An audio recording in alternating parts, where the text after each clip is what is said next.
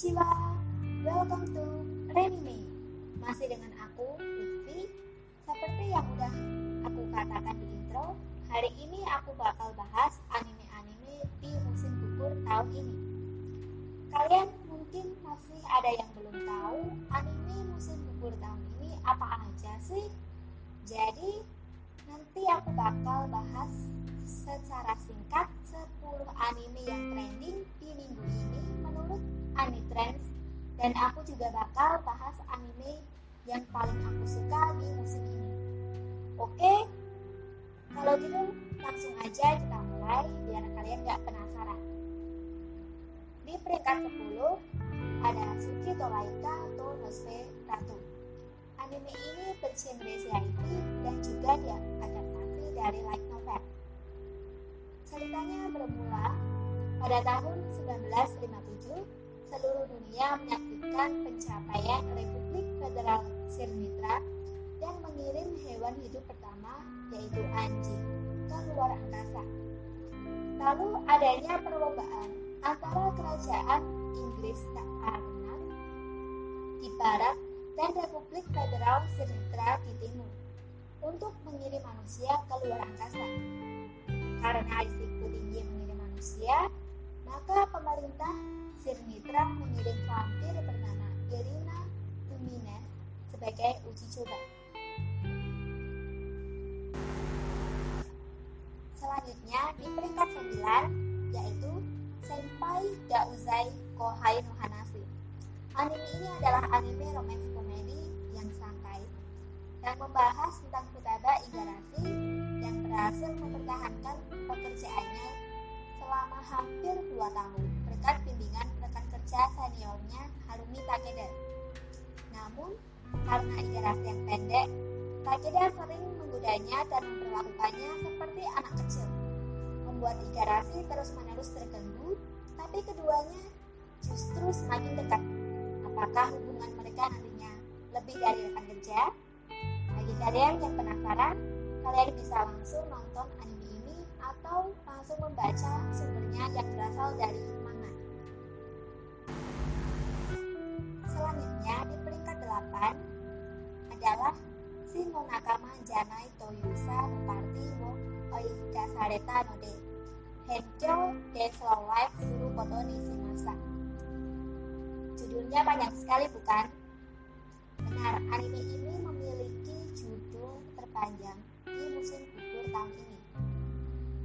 ini mempunyai genre adventure, fantasi, dan slice of life, dan bersumber dari light novel.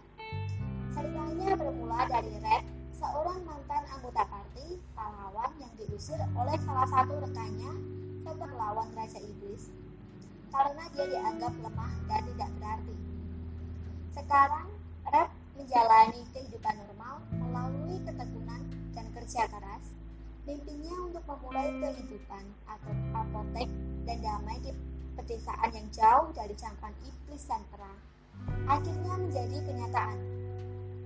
Dia juga dapat partner dan asisten bernama Arif, Putri Dusi Logerbia, dan seorang petualang sendiri yang rela membalikan semuanya untuk bergabung dengan Red. Selanjutnya di peringkat 7 adalah Sekai Saikyo no Ansatsu Isekai Jisoku ni Tensei Suru. Ceritanya bermula dari seorang pembunuh bayaran terhebat di bumi yang hanya tahu hidup sebagai alat bagi majikannya sampai majikannya berkhianat dan membunuhnya. Dia dilahirkan kembali menjadi seorang anak bangsawan dengan nama Lututade oleh Dewi ke dunia pedang dan sihir. Namun dia mempunyai misi untuk melenyapkan pahlawan super kuat yang akan membawa akhir dunia. Luke mungkin dulunya pembunuh yang tak tertandingi, tetapi bagaimana dia akan melawan musuh dengan sihir yang kuat dan apakah dia bisa membunuh pahlawan? Kalian bisa coba langsung nonton animenya, terutama bagi kalian laki-laki, karena anime ini mempunyai banyak karakter perempuan yang kawaii. Selanjutnya di peringkat ke-6, Tank of Destiny. Anime bergenre action dan fantasi. Anime ini juga mempunyai gambar animasi yang bagus, terutama saat musikat yang berubah ke mode bertarungnya sangat bagus. Ceritanya bermula saat meteorit hitam yang jatuh ke bumi dan meteorit itu menghasilkan monster aneh bernama Ditu yang banyak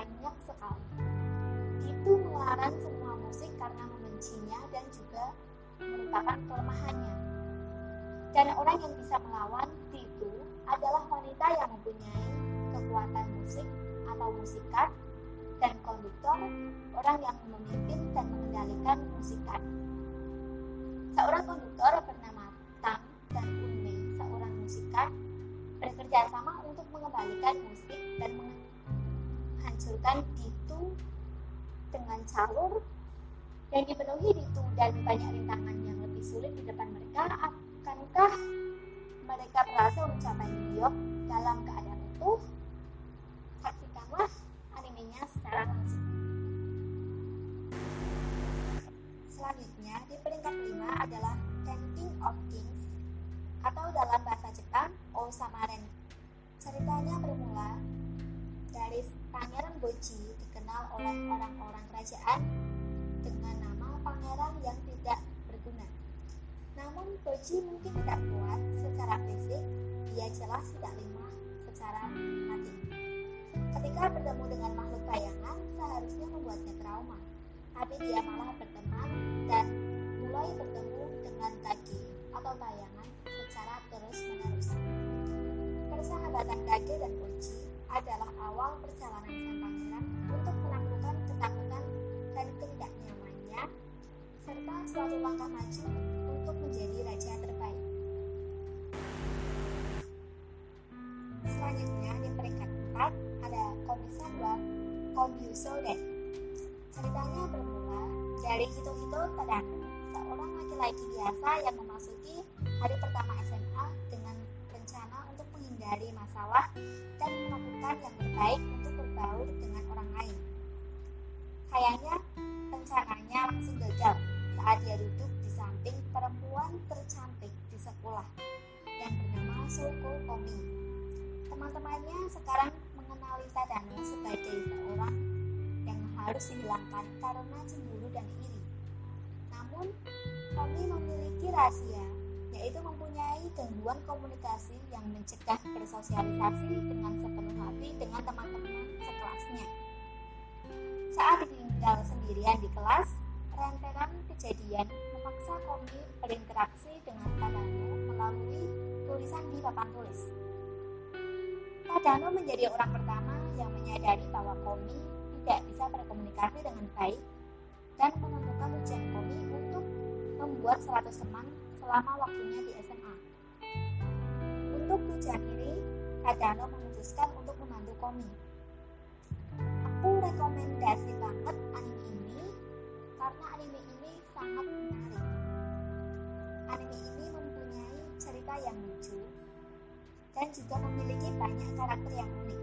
Contohnya ada teman sekelasnya yang ingin menjadi anjing peliharaan untuk Komi. Dia menganggap bahwa dirinya tidak berhak menjadi teman Komi karena dia menganggap Komi itu adalah perempuan seperti Dewi yang tercantik dan sempurna. Karena itu, dia mengklaim dirinya untuk menjadi anjing peliharaannya. Selain itu, anime ini juga sangat-sangat sampai. Jadi akhir episode nggak buat penasaran dan harus menunggu sampai episode selanjutnya datang. Selanjutnya di peringkat ketiga adalah Mieru Kochan.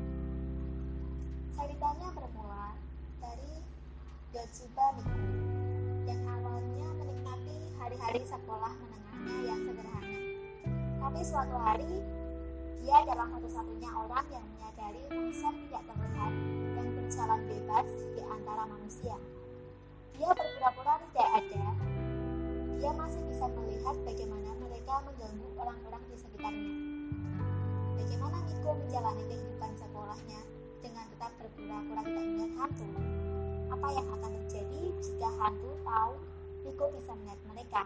Kalian bisa langsung nonton anime atau gimana Aku udah nonton anime ini dan aku rekomend banget bagi kalian yang suka horor dan bagi kalian yang nggak takut sama hantu. Dan bagi kalian yang takut sama horor, mungkin kalian jangan lihat karena gambar animasi hantunya serem banget. Selanjutnya di peringkat kedua adalah 86 Part 2. Anime ini adalah seri kelanjutan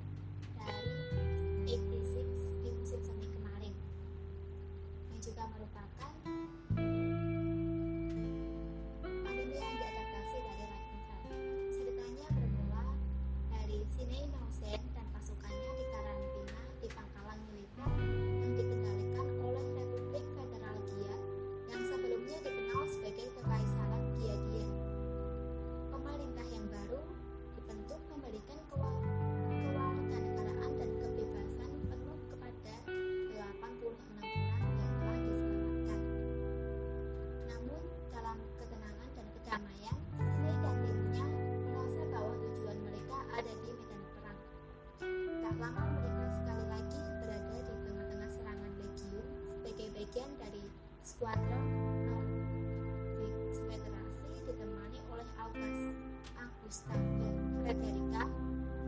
Namun seiring sejarah berulang, mereka menyadari kematian dan rasa sakit di garis depan adalah satu-satunya penghiburan yang mereka tahu. Selanjutnya di peringkat Musoku Tensei Isekai Tara Onkidasu Part 2. Seri merupakan seri lanjutan dari Musoku Tensei di musim dingin kemarin. Ceritanya bermula dari seorang Nick yang berusia 34 tahun berinkarnasi ke dunia sihir dengan nama Rudeus Greyrat. Tidak lama setelah terlahir kembali, tiba-tiba terjadi bencana alam yang misterius yang memisahkan semua orang. Rudeus dan muridnya Alice Boreas Greya diteleportasi ke benua iblis. Mereka bekerja sama dengan Richard Supardia, mantan pemimpin kelompok prajurit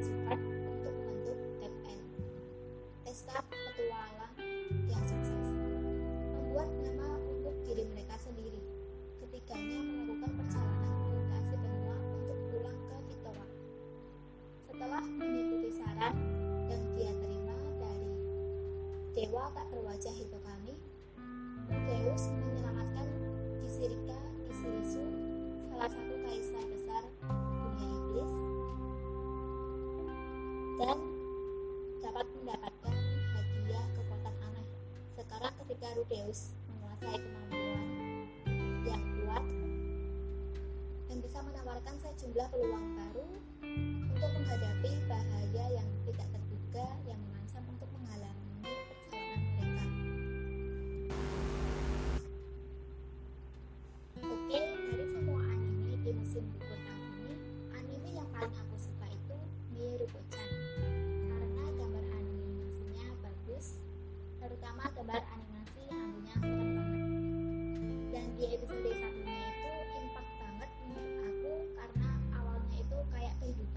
siswa di sekolah biasa aja, tapi di pertengahan episodenya saat Miko nunggu di halte bis di malam hari setelah pulang sekolah, tiba-tiba ada hantu yang muncul di depannya.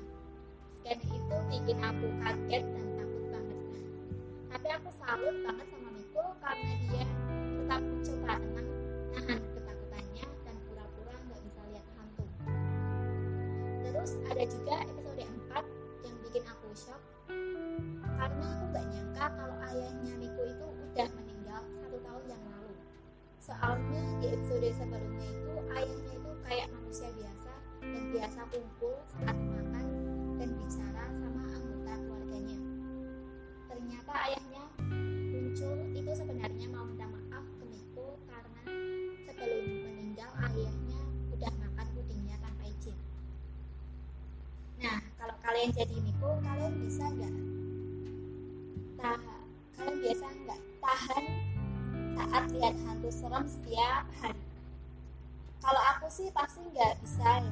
Kayak Miko yang pura-pura nggak bisa lihat hantu, aku nanti pasti langsung teriak, gemetaran nggak bisa gerak, dan nggak berani buka mata. Menurut aku anime ini juga bisa ngajarin kalau kita itu harus berani dan bertindak cepat untuk mengatasi. Sebenarnya masih ada banyak lagi yang mau aku ceritain, tapi karena biar kalian nggak capek dengerinnya, cukup itu aja yang mau aku jelasin di episode kali ini. Nanti kita bisa lanjut di episode-episode berikutnya. Jadi tunggu episode berikutnya dan tetap jangan lupa cek anime ya. Jamat